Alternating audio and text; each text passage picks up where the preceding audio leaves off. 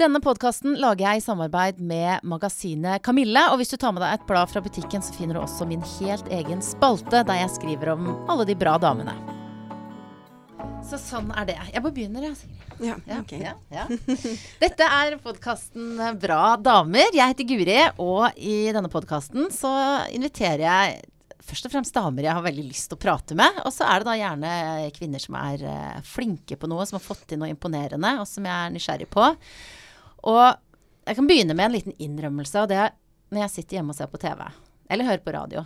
Så er jeg ofte sånn at jeg tenker i mitt stille sinn Det der hadde jeg også klart. Og av og til faktisk litt ofte, så tenker jeg det der hadde jeg klart bedre.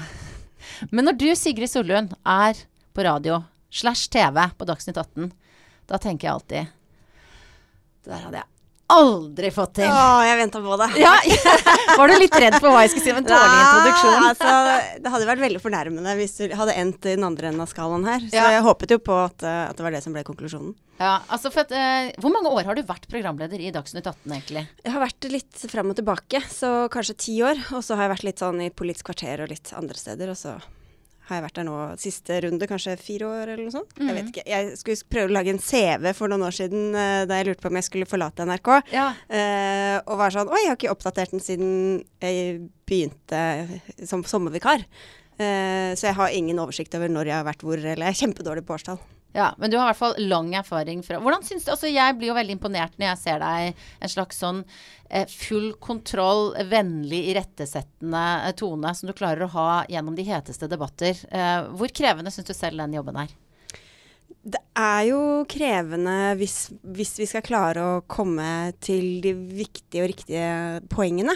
Og det vet vi jo helt aldri om vi gjør, egentlig. fordi der ute kan det jo sitte mange med mye større kompetanse selvfølgelig enn det jeg har, som tenker at det her ble veldig overfladisk, eller her tar de tak i helt feil poeng.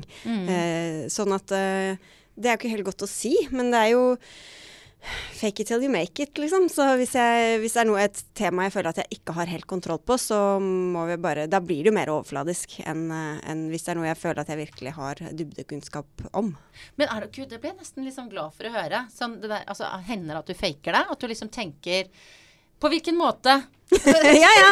Som oppfølgingsspørsmål, og så vet du egentlig ikke hva Ja. du spør om. Uh, det hender jo Eller dette skal jeg ikke røpe, men Nei, det hender aldri. Det er veldig morsomt at eh, nå beveger vi oss inn på et område som du nettopp har skrevet bok om, hersketeknikker. Og jeg tenkte først når jeg hørte at du hadde skrevet bok om det, at sånne avsløringer fra Dagsnytt 18, at du skulle avsløre de styggeste hersketeknikkene som du har blitt utsatt for sjøl, da. Eh, og det gjør du jo for så vidt, eh, deg og dine gjester, men du, det er jo også en håndbok i hvordan du skal mestre disse hersketeknikkene, eller kanskje eh, bekjempe dem hvis du blir utsatt for dem. Altså, jeg må jo tenke at jeg skal tilbake i det studio også i morgen. Sånn at det er grenser for hvor mye jeg kan utlevere folk og henge ut uh, folk selv. Selv om de er jo der ute på måte på radio og TV. Men det skjer jo ting i kulissene også som jeg må være litt forsiktig kanskje med å fortelle om. Også fordi at sånne historier kan jo ha Altså jeg opplever det jo på min måte, og det skriver jeg også en del om, at det handler mye om, om mottakeren. eh, og avsenderen, selvfølgelig. At det, noe kan være ment på en måte og bli oppfatta helt annerledes. Og det er jo sikkert noe veldig mange kjenner igjen fra sitt eget liv. Og da gjelder det å være den som definerer den uh, virkeligheten, da. Ja, det er det, da. Hvor eh, krevende syns du det er eh, når du sitter i en debatt og blir utsatt for f.eks. da en som uh, jeg sier Nei, programleder, nå syns jeg absolutt at du ikke vet hva du snakker om. Eller sånn, veldig sånn tydelig eh, herskete ting å si. Eh, hvordan reagerer du selv da? Det er jo ubehagelig. Uh, men det var jo mer ubehagelig før. Da jeg ikke hadde så lang erfaring og ikke, ikke følte at jeg hadde den autoriteten som jeg kanskje har nå. Fordi at uh, folk ikke visste hvem jeg var, gjestene visste ikke hvem jeg var. Nå er det, i hvert fall i vår lille boble, da, flere som, som kjenner, uh, kjenner meg. Mm, så, så f- tidligere var det lettere å, å dukke meg, for å si det sånn, enn det jeg føler nå. Men selvfølgelig hvis, og særlig hvis noe treffer litt, hvis jeg føler at jeg ikke er helt godt forberedt eller sånn, at da Men da kanskje det er på sin plass òg, da. Men noen er jo mye eklere enn en andre. ikke sant? Vi, har jo, vi sier jo masse feil på lufta hele tiden. Jeg, det hender jo at vi titulerer feil eller sier feil navn og sånn, og da kan jo det bli tatt opp på ganske ulike måter. Fra en liksom at noen bare lar, lar det gå, eller, eller til at de blir kjempefornærma og bruker mye tid på å måte, korrigere og sette meg på plass. da. Er det sånn at du har en sånn feil som du husker som du fortsatt får liksom vondt i magen av å tenke på? Nei ja, det Jeg er veldig god på sånne fortrengningsmekanismer. Ja, det er bra. Da. Det blir neste bok. Blir om det. Hvordan mestre dem. ja. Hvordan dytte alt ned i et mørkt hull eh, nederst i sjelen som bare ligger der og knuger. Men det er jo interessant det du sier om selvtillit. For det, det, er uansett hva slags jobb man har, det er jo klart at det krever kanskje ekstra mye pondus å være programleder i et program som eh, du leder. Men uansett hvilken jobb man har, så handler det jo om å liksom kunne slappe av i rollen, da. Og bare 'Dette takler jeg'. Mm. Take it easy, liksom. Og så da er veldig mye gjort. Da er det ikke så farlig om man gjør feil heller, kanskje. Men eh, så er jo reisen dit, da. Altså, du sa at du er tryggere nå enn du var tidligere. Hvordan var du når du var fersk eh, programleder i NRK? Hvordan, hvor mye gikk ja, f.eks. feil inn på deg da? Da kunne jeg jo ligge og virkelig gruble over det om natta og tenke sånn Jeg kan aldri komme tilbake, det er så pinlig. Mm. Eh, eller hvis jeg fikk mye kritikk og sånn. Det gikk skikkelig inn på meg. Og så, Jeg husker jo første gangen jeg hadde Politisk kvarter, som jeg syntes var utrolig skummelt. Jeg tror jeg også jeg skulle ha Jens Stoltenberg i studio. Altså, det var en ganske sånn tung sending å begynne med. Ja. Uh, og da jeg var ferdig og sa takk for oss, så tror jeg jeg holdt på å besvime av uh, nervøsitet. Um, Mm, så det har jo forhåpentlig blitt uh, litt bedre. Men fortsatt så kan jeg jo bli kjempenervøs. Men det vet jo du, det er jo egentlig bra å være litt nervøs. Man skal jo ikke bli for uh, Nei, nei, og det er jo deilig. Og det, og det, som kanskje erfaringen gjør også, er at man er sånn Å ja. Nå kommer den, ja. Nå kommer ja. de nervene, ja. Men ja. dette altså, er det man kanskje litt mer forberedt. Man blir ikke så lammet av det på et vis, mm. da. Men men likevel så, så, er det jo sånn av og til at man kan få litt sånn blackouts, eller hva skal jeg si. At man mm. blir litt sånn Mister seg sjøl litt. Har du sittet i studio og på en måte hva heter den personen som sitter mm. foran meg nå? Mm. Og så er det jo det som er hos oss, uh, er jo at altså, Vi er jo et radioprogram som sendes på TV. Ja. Uh, og det gjør at vi forbereder oss, forbereder oss, som om vi er et radioprogram. Så det hender jo altså Bare en sånn liten ting som ofte skjer, er jo at det kommer inn tre mennesker i studio. Og akkurat der og da, når jeg skal begynne å introdusere dem, så kommer jeg på at jeg ikke aner hvem som er hvem. Uh, og da er det kanskje Å ja, det er en fra um, en bonde og en fra Høyre, og så må jeg liksom la alle fordommene mine få fritt spillerom og se meg rundt bordet og tenke 'hvem er hvem'? Og så har det jo da hendt at jeg har fått meg en liten uh, vekker, da. At ja. uh, alle ser ikke sånn ut som man kanskje skulle tro. Nei. sånn at jeg da stiller et spørsmål til en, og så svarer han ved siden av. Ja, ok. Ja. ja, ja. Og så må du bare late som du ikke Ja, da må jeg bare Eller alle skjønner jo da, av de ja. som sitter i studio i hvert fall. Kanskje ikke seerne ser det, men jeg og alle andre her skjønner jo at her har jeg dumma meg ut. For det er jo sånn, det kunne jo Og dette er jo litt med sjanger også. For hvis jeg hadde gjort den tabben i et av de type programmene jeg har gjort, så er det klart noe jeg kunne ledd jeg kunne brukt det, gjort litt narr av meg selv, og det kunne skapt litt sånn løs stemning. Mm. I Dagsnytt 18, eller den sjangeren programmer du jobber i, så er det liksom ikke så mye rom for det.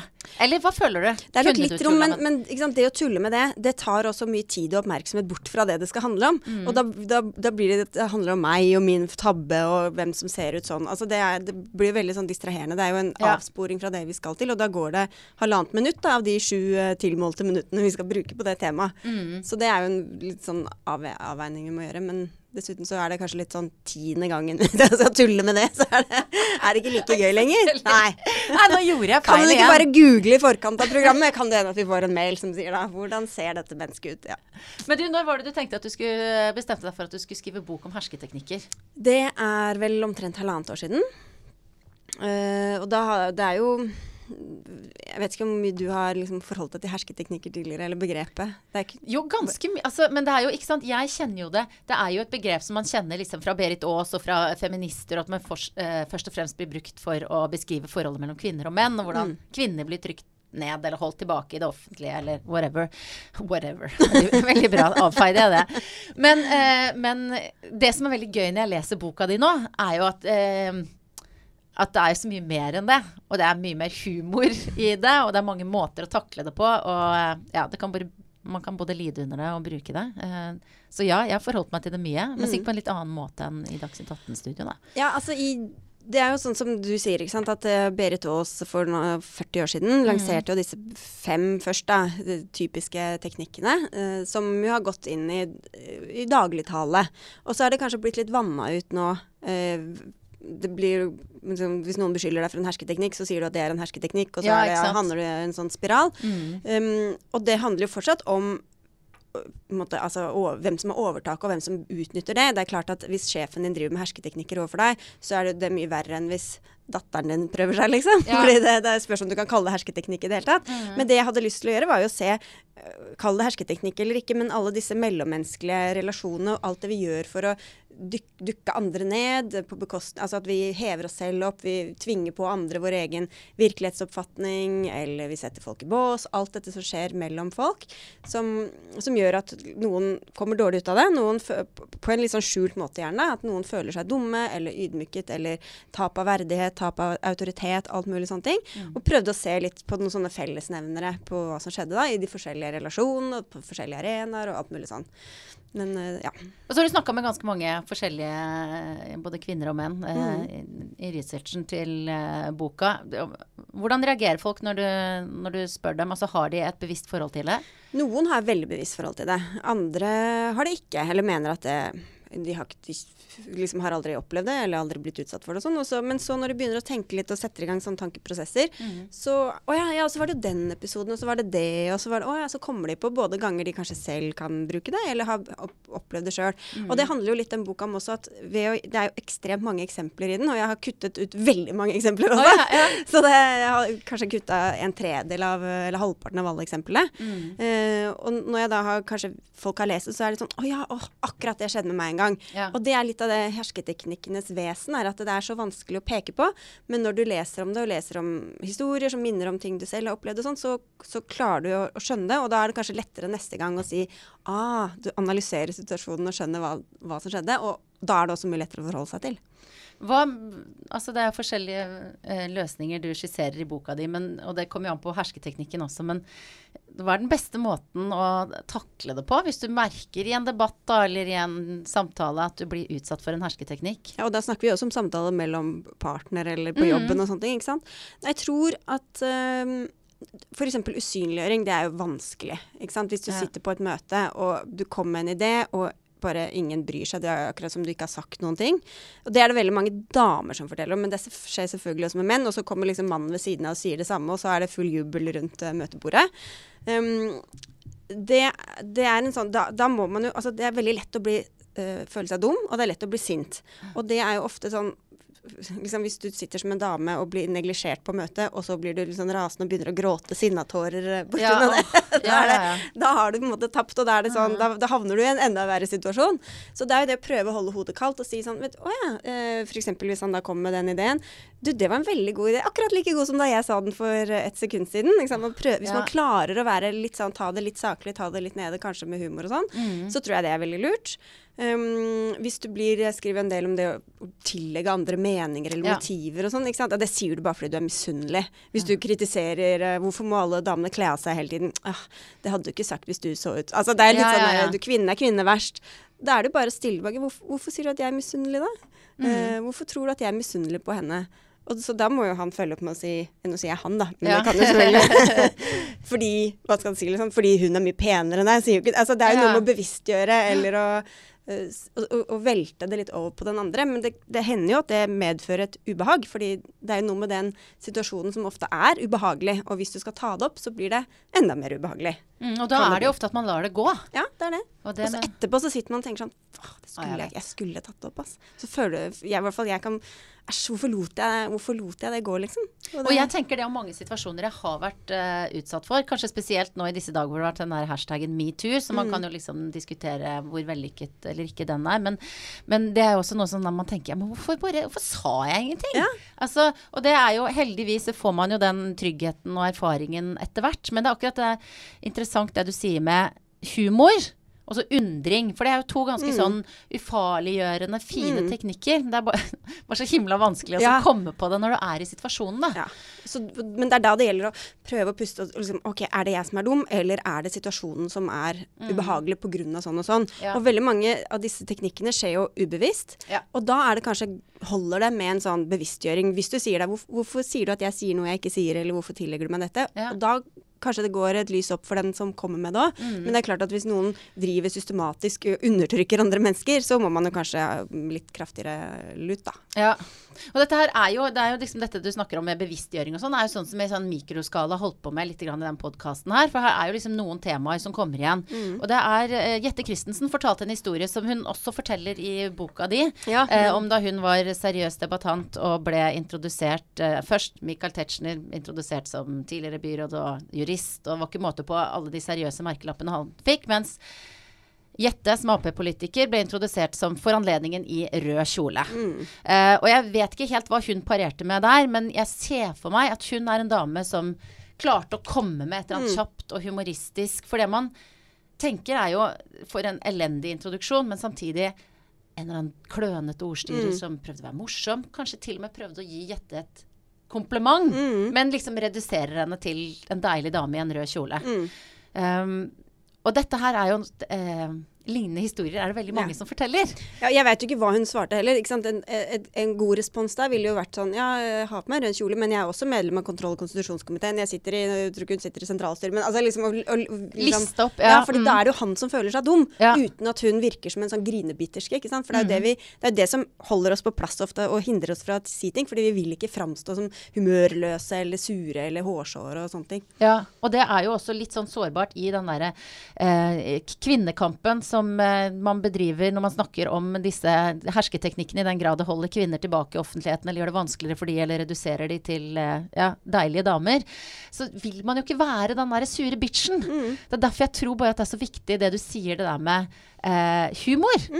Og Ja. Jeg bare skal ha lyst til å øve meg på det. For jeg tror at hvis man klarer hver gang å bare peke på det sånn stilig, og så ler må ha sånn rollespill. eh, Men, Ja. men det er jo det hun eh, intervjuer også hun som var pressleder. altså Press er jo Redd Barnas ungdomsorganisasjon. Og hun er et av eksemplene i boka hvor hun er med i en debatt i Dagsnytt 18 og snakker om mot Dagbladet, hvordan de måte framhever skjønnhetstyranni, eller altså kroppsfokus som hun mener er uheldig og sånn. Mm. Og da får hun jo eh, som eh, respons på hennes innlegg, så sier han som da var eller er politisk redaktør i Dagbladet, ja, nå er du veldig engasjert her, jeg hører det. Ja. Og hun har vært på kurs, og hun driver med kurs, og hun kjenner til disse hersketeknikkene, så hun kan bare si sånn Det er ikke det det handler om. Og så går hun videre.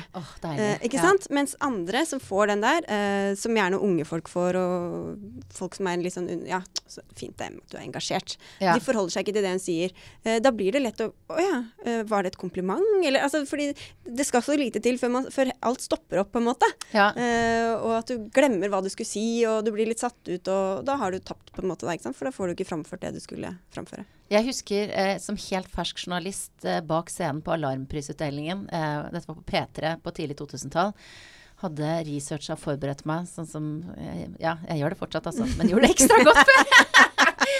Da du ikke bare fløyt på skjermen, si! ja, ja. Og halvveis inn i intervjuet, så dette var en av Norges mest kjente artister, stoppa han opp og eh, sa jeg klarer ikke å svare på flere spørsmål, for jeg ser bare på utringningen din, Guri. Og det er jo liksom sånn Og drøyt, da. Ja. Men da hadde jeg bare ingen verktøy. Nei. Nei. Og jeg stoppa helt opp Mm. og hadde en uh, uerfaren medprogramleder. Altså det var bare sånn, Jeg får helt sånn vondt i magen av å tenke på det nå. Så får jeg litt lyst til å sparke vedkommende i balla. Men, Men du sier ikke hvem det Nei, var? eh, for det- Metoo? Nei, nei, for det er litt for Ja, for jeg tenker Ja, ja. Vi får skrive det på uh, drukket en øl for mye og litt for Ja. ung, han også, kanskje. Det var en mann, da. Ja, jeg ble sleiket på halsen av en musiker mens jeg prøvde å intervjue ham. Så det Nei, er, altså, alt kan skje. Hvem var det, da? Nei, skal vi se på metoo-hashtagen etterpå. Ja. Men du, et eksempel som jeg eh, For jeg var veldig nysgjerrig på hvem det var. Eh, det var eh, fra boka di, Dagsnytt 18. Eh, jeg husker ikke hvem det var som møtte han, han, jeg tror det er en mann, i debatt, men at han i hvert fall brukte teknikken ikke se. Altså han så bare ut eh, vinduet til kontrollrommet og det som måtte foregå der. Bare zooma ut, på en måte.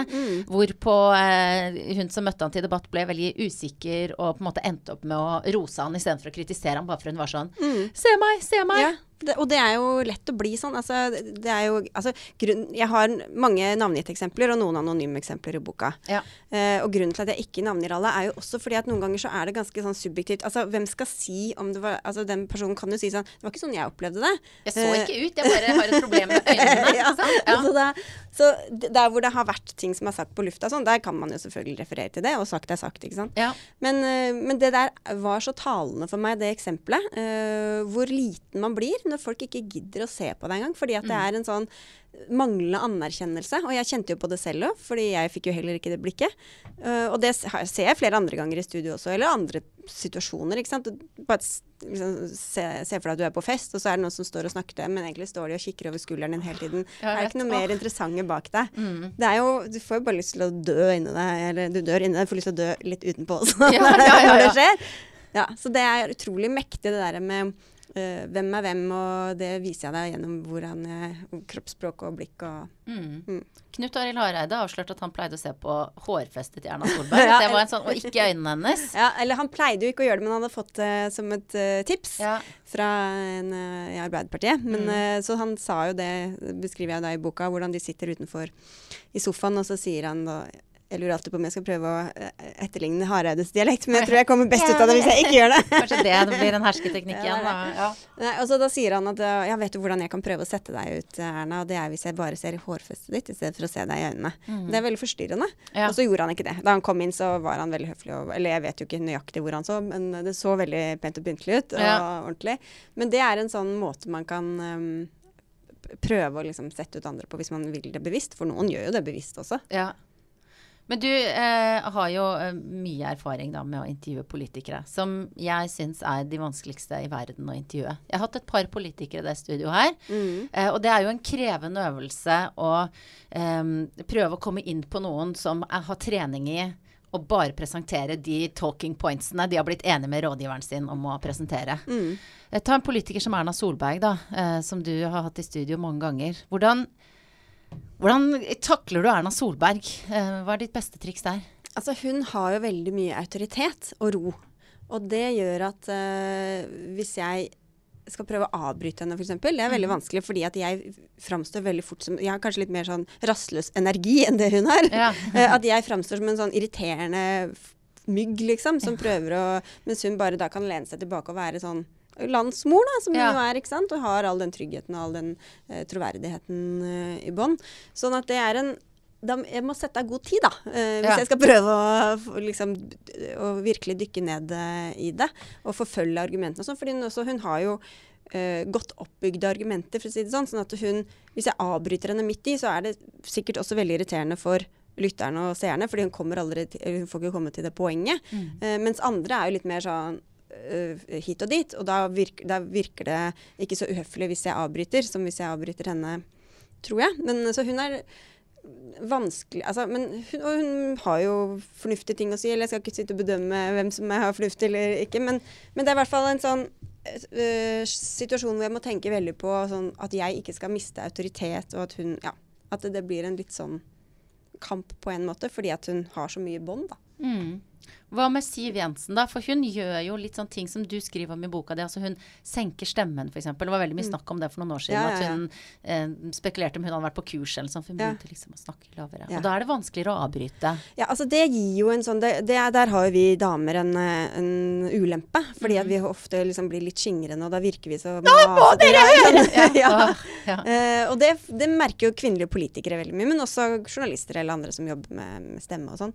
Um, og hun har da den roen, ikke sant, og sånn, og har jo også den veldig sånn autoritet på det. Eh, så da skriver jeg litt at hun, når jeg prøver å avbryte henne, så smiler hun bare litt. Aha. Og så lar hun meg avbryte. Fordi noen er jo bare sånn, de bare fortsetter. Eh, og så når jeg er ferdig å snakke, så bare fortsetter hun med sitt uh, argument. Og det er jo en veldig sånn lur måte å gjøre det på, fordi at da har hun jo ikke Vi har ikke hatt noen sånn kamp om ordet, for det kan virke veldig sånn Da må noen vinne til slutt, ikke sant. Men hun fortsetter jo bare med sitt argument, og så hvis jeg da prøver å avbryte igjen, så er det sånn Ja, men la meg få snakke ferdig. For hun vet jo at alle andre syns jo det er veldig irriterende å bli avbrutt. sånn at da sitter sikkert eh, får de vondt av henne hvis hun blir det også. Så det der er, det er mye sånne små eh, maktkamper i, i et studio. Og også som programleder, jeg vet ikke om du har kjent på det, men hvis du prøver å avbryte og gripe inn i noe, fordi folk liker jo heller ikke når alle snakker i munnen på hverandre og sånn. Nei, nei, nei. Og plutselig så er det jeg snakker, og alle snakker, og liksom det blir en veldig sånn maktkamp. Og hvis jeg da gir meg, så føler, da taper jeg autoritet i studio. Ja, og det er jo grusomt. Ja. For da har man liksom prøvd, og så vant de andre. Ja, ikke sant? Ja, det er en veldig, veldig vond følelse. Men det skjer ikke så ofte med deg, gjør det det? Jo, det skjer ofte nok, i hvert fall. Men, ja. så, og så hvis du, og hvis du bare fortsetter, så er altså, den, det blir jo helt komisk, ikke sant. For det blir også veldig slitsomt å høre på hvis det er hele tiden sånn Hvem er det som, som binder det ordet? Mm. Ja, så da har jeg prøvd noen ganger. Ah, Jeg husker Anne Grosvold hadde vel en eller annen gang sånn Hysj! Hun ropte det ut, liksom. Det er så bra, det. Nå må dere holde munn. ja, og, ja, ikke sant. Jeg tror hun sa noe sånn. Ja. Og jeg prøver noen ganger å bli sånn uh, at jeg henter fram den der moren i meg, liksom. Så, hysj, litt sånn. Ja. Fordi det er litt uvant å høre sånn i, for, i studio. Da blir det oh ja, da minner det sikkert om et eller annet de hørte for 30 år siden. Så det er en bra teknikk. ja, jeg tror det er i hvert fall litt sånn og, og fordi hvis du bare snakker høyere og høyere, så blir det en, da mister du den autoriteten som jeg snakka om. eh, Mm. så Det er ofte de som bare er Sånn som Siv Jensen. Bare Ja. snakker da. Hvis, hvis noen snakker veldig lavt, så må du jo lene deg litt inntil og høre etter, da. da er det, det er en smart teknikk. Mm. Men eh, når du sa at du har liksom nå opparbeidet deg liksom troverdighet, folk vet hvem du er, i hvert fall i, i Altså, jeg føler at det var litt feil at jeg skulle si det. Da. Kan, Nei, ja, men kan- jeg kan kan gå jeg går god for det, Sigrid Solund. At jeg vet, alle de fleste vet, i hvert fall som er samfunnsengasjerte, eh, som eh, liker å høre og se på Dagsnytt og andre politiske programmer, vet godt hvem du er. Det, det kan jeg godt eh, Hun skrika i Dagsnytt. ja, ja. Blir du kalt for det? Nei. Nei. Men for, det er på en måte et eh, program som har mange engasjerte lyttere, vil jeg tro. Mm. Ja. Vi har jo skapt et eget lite univers på Twitter og sånn, som er jo Ja. en, veldig mye mer tilbakemeldinger der enn Dagsrevyen og sånn, som har mange flere seere. Så jeg tror det er et, et, eh, program som mange føler at de har et um, eierforhold til. Ja. Og det er veldig fint. Men det er litt stress også, er det ikke det? Du må være, må få veldig mye tilbakemeldinger på liksom sånn eh, Helt på sånn mikronivå. Sånn Nå hostet du litt mye og sånn. Nei, ja, det er ikke så ille, men det, det er jo mest vennlig, eller bare Folk er jo engasjert i sakene, heldigvis. Ikke så mye oss, men det ender jo at vi får klager, selvfølgelig, eller, eller ros. eh. Det som er veldig irriterende, er når de sender sånn klager til alle, og ros bare til meg. Hvorfor oh, ja. Oh, ja, yes. Kan du få dem til å gjøre om på det? Men har du den, den, eh, den tryggheten og eh, troverdigheten da, som du har nå, eh, føler du at det har vært vanskeligere for deg å opparbeide den? Har du hatt større utfordringer fordi du er dame? Jeg tror at man starter litt med et uh, handikap på en måte. Altså, vi um, Men kanskje, kanskje ikke. Jeg veit ikke. Jeg har jo ikke Det blir sånn parallell historieskriving, Ja. liksom. Det er jo vanskelig å sammenligne det. Mm. Men eh, jeg tror som ung dame så, så må du jo vise deg kanskje ekstra. Men det må du sikkert som ung mann òg, altså. Men Mm. eh, At det kanskje Det- har med alder å gjøre? Mer enn at Kanskje. Det, Mm. Og, og erfaring. Altså, du må vise deg Alle må jo på en måte vise hva de er gode for, da.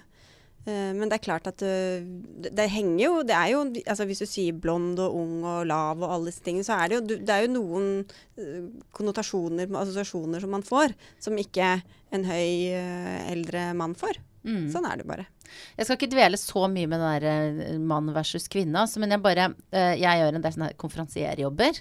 Og da er det liksom veldig betegnende at liksom veldig ofte så kommer da mann 57 som Mm. skal snakke, kommer bort til meg, og så av og til med en hånd på skulderen min og Mm. sier Ja, hvordan har du tenkt å introdusere meg, da?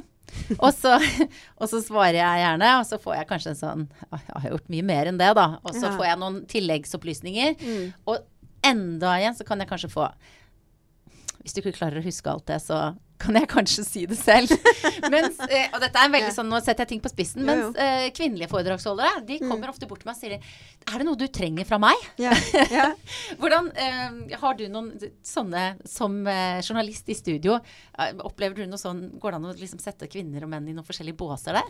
Eller forskjellige mennesketyper, om ikke annet? Um, altså det er jo veldig sånn eh, Vi snakker mye om det at kvinner er, takker, trenger mer eh, Altså de må vite alt 100% for å, Ja. å føle seg trygge og for å takke ja og sånn. Mens menn er litt sånn Å ja, ja, jeg kan komme nesten uansett hva det er for noe. Mm. Og så er det veldig store variasjoner innenfor det. Eh, men jeg mener faktisk nå at det virker som en del av de litt yngre damene er mye mer, virker som de har mye mer eh, selv, god, altså bedre selvtillit og selvfølelse på de greiene der. Mm. Ikke alle, selvfølgelig, men at det er ganske mange som er sånn Ja, jeg tar ting litt mer på spark, er, men kanskje fordi de er så superflinke at de liksom kan det, da. Ja. Men, eh, så jeg håper jo at det er litt sånn generasjonsgreie. men um, Og så er det veldig store Jeg tror det er mye større individuelle forskjeller enn det er kjønnsforskjeller. Ja. Men, eh, men det er klart at det er Altså jeg jobber jo veldig bevisst med å prøve å få litt jevnere kjønnsbalanse. Og da, det krever jo en ekstra innsats uh, for å få til det. Fordi kvinnene er reddere for å stille opp? jeg, jeg, jeg mener jo at det også er veldig vår, eh, vårt ansvar, da. Ja. Og at de trenger kanskje andre ting. Altså, I hvert fall hvis det var meg, så vil jeg? Hvis, hvis vi ringer til deg og spør om du vil være med, Mm. så sier du kanskje Så er det, det er jo Kanskje ikke du har så veldig lyst, kanskje du syns jeg er litt nervøs, eller passer ikke helt og sånn. Da må jo vi ha et godt svar. Så når du, hvis du spør ja, hvorfor akkurat meg, så kan ikke svaret være fordi du er kvinne og vi trenger å fylle Nei. kvinnekvota vår. Da, må jo, du, da trenger du kanskje Jo, fordi du skrev jo det der, og det var kjempeinteressant. At du skjønner akkurat hvorfor det er deg vi vil ha. Mm. Hva det er forventet av deg, hvordan du skal komme deg dit. Altså alle sånne både praktiske og innholdsmessige ting som, som jeg tror alle som er liksom ferske trenger, men kanskje særlig de som kvier seg litt, da. Som kanskje er flere damer enn menn. Mm. Du, du skriver i boka di, eller jeg vet ikke om det bare er bak på vaskeseddelen, jeg har ikke fått lest he helt ferdig, men at du bruker hersketeknikker også eh, på hjemmefronten. Mm. Eh, eller kanskje det er omvendt, at barna dine, dine fire barn, eh, hersker med deg. For en herskegjeng. Han ene griner jo hele tiden. Hva slags hersking Det er forferdelig. For du har, hvor gamle er barna dine? Jeg har en på elleve og to jenter på sju, og en som er ett år. Så du, og tvillinger rett og slett også? Mm. Oi, ja, ja. Dette her, altså, jeg er imponert over Dagsnytt 18-jobben, men altså, det der å være firebarnsmor, det er eh, Det krever sin kvinne. Ja, altså det, det som skjedde, var jo første gangen jeg fikk barn. Uh, alt henger sammen med fødselspermisjonen. Ja. Da var jeg så livredd og stressa at jeg holdt på å besvime hver dag. Ja. Syns det var så skremmende å få barn. Så da ble, liksom, hun vokste opp litt, så tenkte jeg sånn Jeg fikk jo aldri den der koselige permisjonstiden som alle eh, snakker om. Så da skulle vi få et barn, eh, et nytt barn. Og så tenkte jeg nå skal jeg liksom bare sove og hvile og kose meg og gå på kafé og alt det greiene der. Og så kom det jo tvillinger. Right. Og da ble det jo ikke så mye av det. Så da tenkte jeg alt, Altså, jeg får barn bare for å ha fri. Det er veldig sånn kortsiktig tenkning. så da tenkte jeg sånn jeg skal, Det gikk veldig lenge og lurte på om vi skulle få et barn til eller ikke. Mm. Men så var det denne permisjonstida da, som Ja. jeg lengtet etter. Og så fikk jeg et barn, og så ble det sånn bokskriving samtidig. Så Ja. det var jo bare den mest stressende permisjonstiden jeg noen gang har hatt. Nå tok jeg ut ulønnet permisjon for å skrive, da, mens han pappaen hadde perm. Men det var jo mye sånn amming annenhver time og alt mulig sånn uansett. Ja. Så, men ha, nå har du fått nok fri, eller er det Jeg har ikke fått noe fri. Jeg må få ti barn til for å veie for dette. Men du, på hvilken måte er det, det, disse hersketeknikkene Hvordan eh, gjør de seg til uttrykk når man skal oppdra fire barn? Ja, å ja, ja. Nei, altså øh, Det jeg skriver om sånn mot barn, er jo at en av de klassiske hersketeknikkene handler jo om å påføre andre skyld og skam. Mm. Liksom? Skyldfølelse for at du ikke har gjort noe bra nok, eller skamfølelse for at du ikke er bra nok. At du ikke strekker til. Og det er jo noe barn hele tiden kjenner på. Så den der følelsen av at de ikke får til ting. For de er jo i utvikling hele tiden, så det er jo masse, masse ting de ikke får til. Men den skamfølelsen av å kjenne at du liksom ikke er bra nok, du, du når ikke opp til mor og fars ideal av deg, Mm. eh, det er jo en ganske, kan jo være en ganske sånn vond følelse. Og, og det har jeg kjent på noen ganger, at jeg har liksom ikke utnyttet det bevisst, men at jeg, har, at jeg kan liksom ha gjort For å sant, Det som jeg skriver i boka, et eksempel Hvis jeg, hvis jeg skal prøve å få dem ut av huset eller få dem i, ja, om morgenen og få på dem klær og pusse tenner og alt sånne ting. Og så når de da somler, de er jo helt elendige på tidsberegning. Det Ja. kan vi vel være enig i. Ja, det er jeg enig med deg. Unger, altså. Ja. ja. Og så eh, da kan jeg si sånn eh, Nå må du få på deg den jakka, ellers så kommer jeg for seint på jobben. Da får jeg kjeft på jobben, og det er liksom Ja, Og da står hun der lille ungen der og sånn, får hele verdens elendighet lesset på seg. Mm. Så får hun kanskje på seg den jakka, da, men så går jo jeg på jobben og er verdens mest elendige menneske med skikkelig vond følelse inni meg etterpå. Og da har jeg jo liksom gitt henne masse liksom, skyldfølelse og sånn for at, at jeg ikke har planlagt godt nok den morgenen, da. Ja, ja, litt sånn gilting, på en Ja, måte. mm. Ja, jeg kjenner meg igjen i det, altså. Spesielt den der. Ja, men da får jeg kjeft, eller da kan vi ikke Ja. reise dit. Da kan ikke Jeg har Ja. dratt så langt. Altså, hvis ikke jeg må dra på jobben sånn at jeg kan tjene penger sånn at vi kan dra på den ferien. Ja, ja, Så liksom, det er ikke bare verdens elendighet, men det er liksom familiens muligheter til å dra Ja, på ja, ja. tur. Og alt som skal legges på disse her små barnas skuldre. Og hvis babyen våkner, så vet jeg at det egentlig ikke er deres feil, men så sier jeg det er deres feil allikevel, bare fordi jeg har kjefta på dem fordi at de bråker. Altså det er liksom Ja. Det er mange sånne samvittighetsgreier, da. Ja. Men jeg har jo snakket med noen psykologer som sier at det, det går greit eh, hvis det ikke blir altfor eh, voldsomt, og de vet at du er glad i deg og sånn. For, Ja. eh, dem.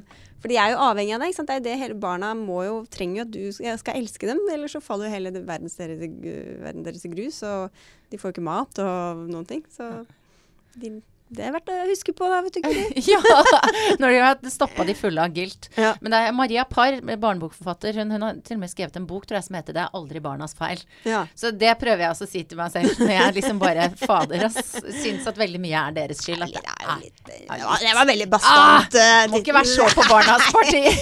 Av og til er det deres feil, det må være lov å si. Ja, ja. Men, eh, men eh, får du ofte spørsmålet, eh, som jeg nå holdt på å stille deg eh, Vet du hva, hva tror du jeg skulle stille deg Mm. Nei, jeg vet ikke. Hvordan, hvordan klarer du å kombinere livet som småbarnsmor med en hektisk karriere, Sigrid Solund?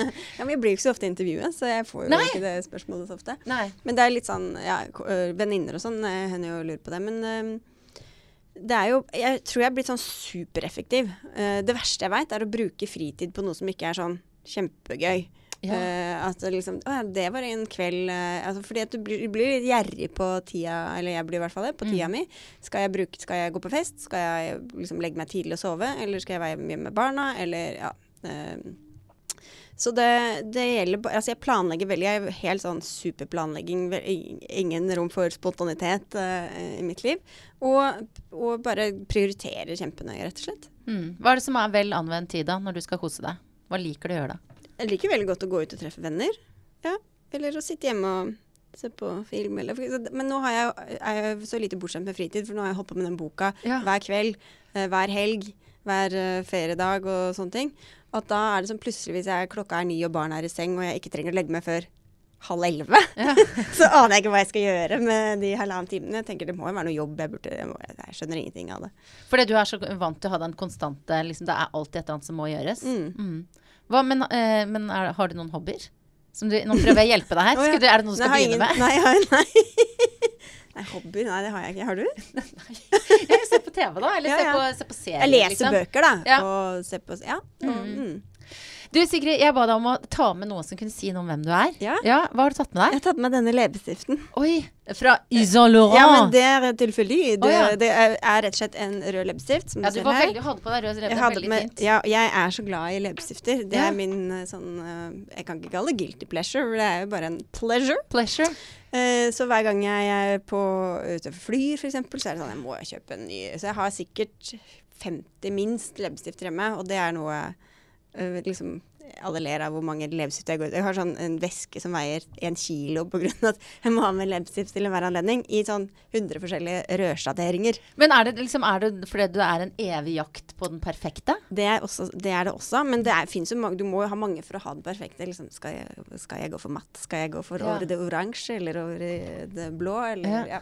Men jeg føler også at den røde leppestiften, den er litt sånn eh, Man føler seg jo pynta med en gang man har tatt på selv om man går i joggedress. Mm. Um, og så er det noe Det er så mye sånn uh, kulturelle greier som ligger i det, liksom. At man er jo litt sånn hore, litt madonna Altså det er, det er liksom litt rebell og litt Ja, ja. Uh, glamour, og det er mye på en gang, da, som jeg tenker at det er mye Mange signaler i en liten leppestift. Ja, men også er det jo også sånn at det er litt som å gå med hatt. Eller blomstrete bukser, som jeg har på meg i dag. At det krever jo på en måte Altså, du må liksom bære det. Mm. Eh, Du kan ikke ta på rød leppestift og så Altså, jeg syns ofte jeg ser liksom Jeg syns det er kjempefint på deg, men så hvis jeg tar på rød leppestift, så, det, så føler jeg liksom ikke at jeg kan bære det. Har du alltid vært god på det?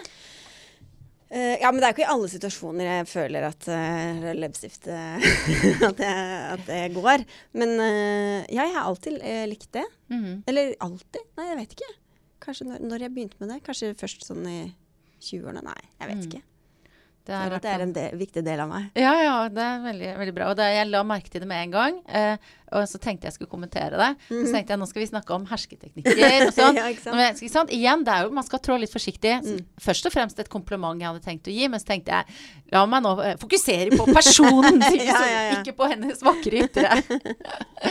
Eh, Men eh, apropos vakre ytre, jeg har noen sånne tre eh, kjappe spørsmål som bl.a. handler om hva du har på deg og sånn. Eh, Hva Mhm. spiste du til frokost i dag? Da spiste jeg mitt eget hjemmebakte brød. Nei. Er du en sånn dame?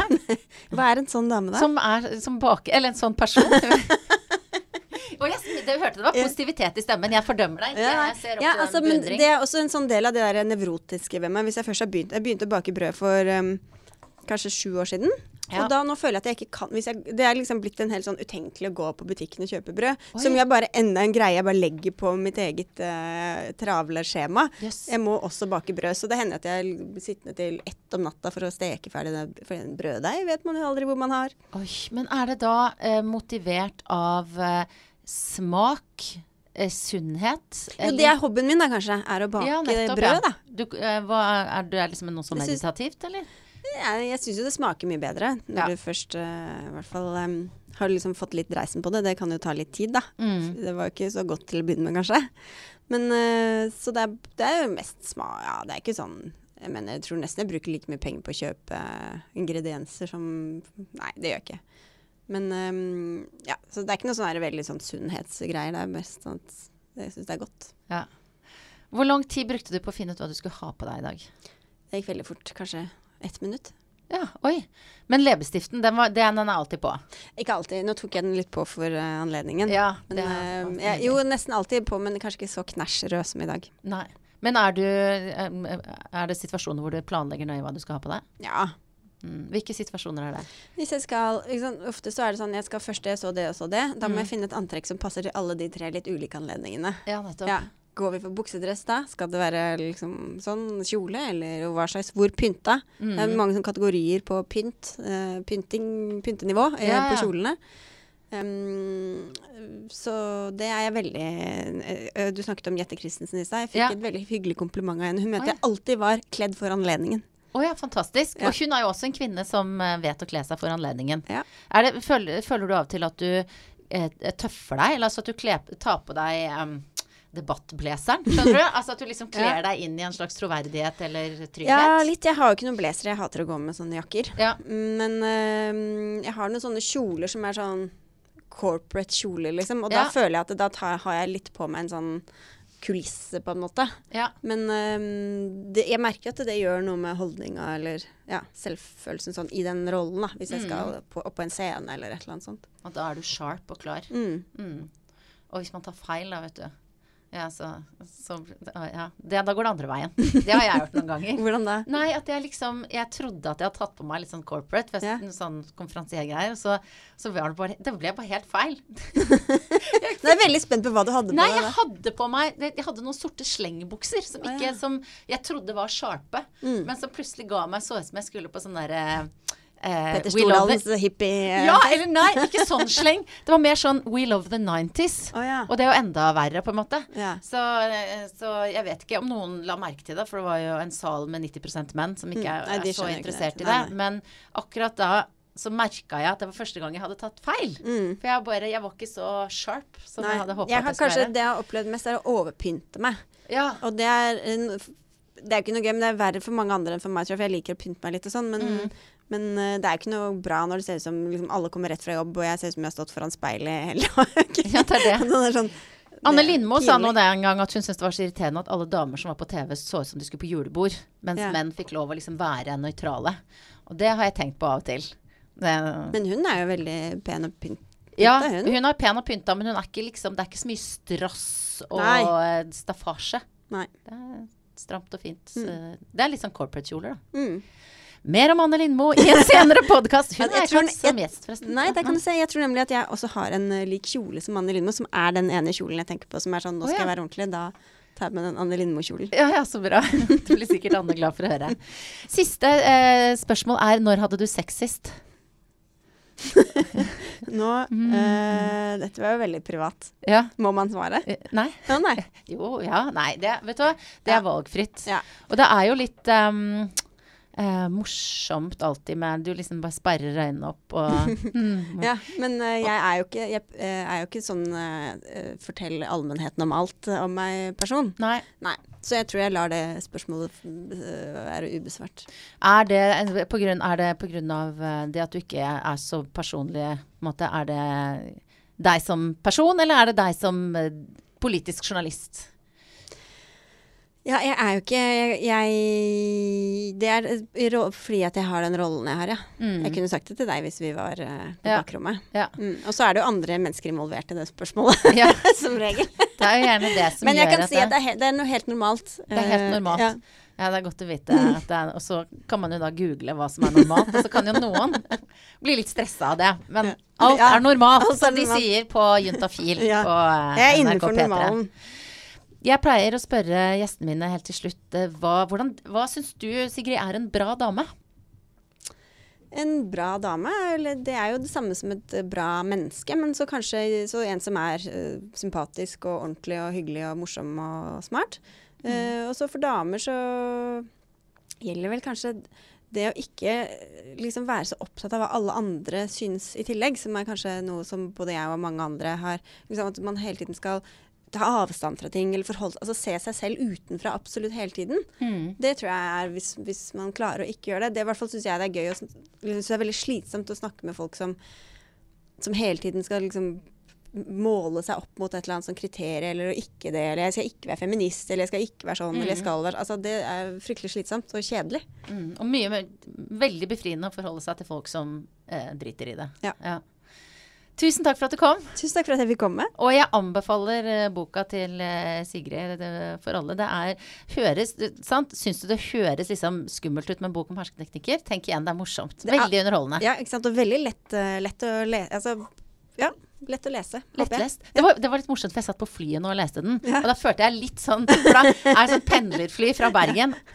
Nesten bare menn som sitter og forbereder foredraget de skal holde. Mens jeg sitter med hersketeknikker. Ja, ja, ja, ja. Det er jo en egen hersketeknikk i seg selv, liksom. Ja, ikke sant. Nei, Hvis- så um, Hvis du sitter, du sitter med den inn på møterommet før de andre kommer inn, Ja, ja, ja. så lukker du den litt sånn eh, demonstrativt. eh. Tilfeldigvis oppå bordet. Ja. Nei, men til mange kan brukes til mye, altså, boka di. Tusen takk for at du kom. Sjøl takk.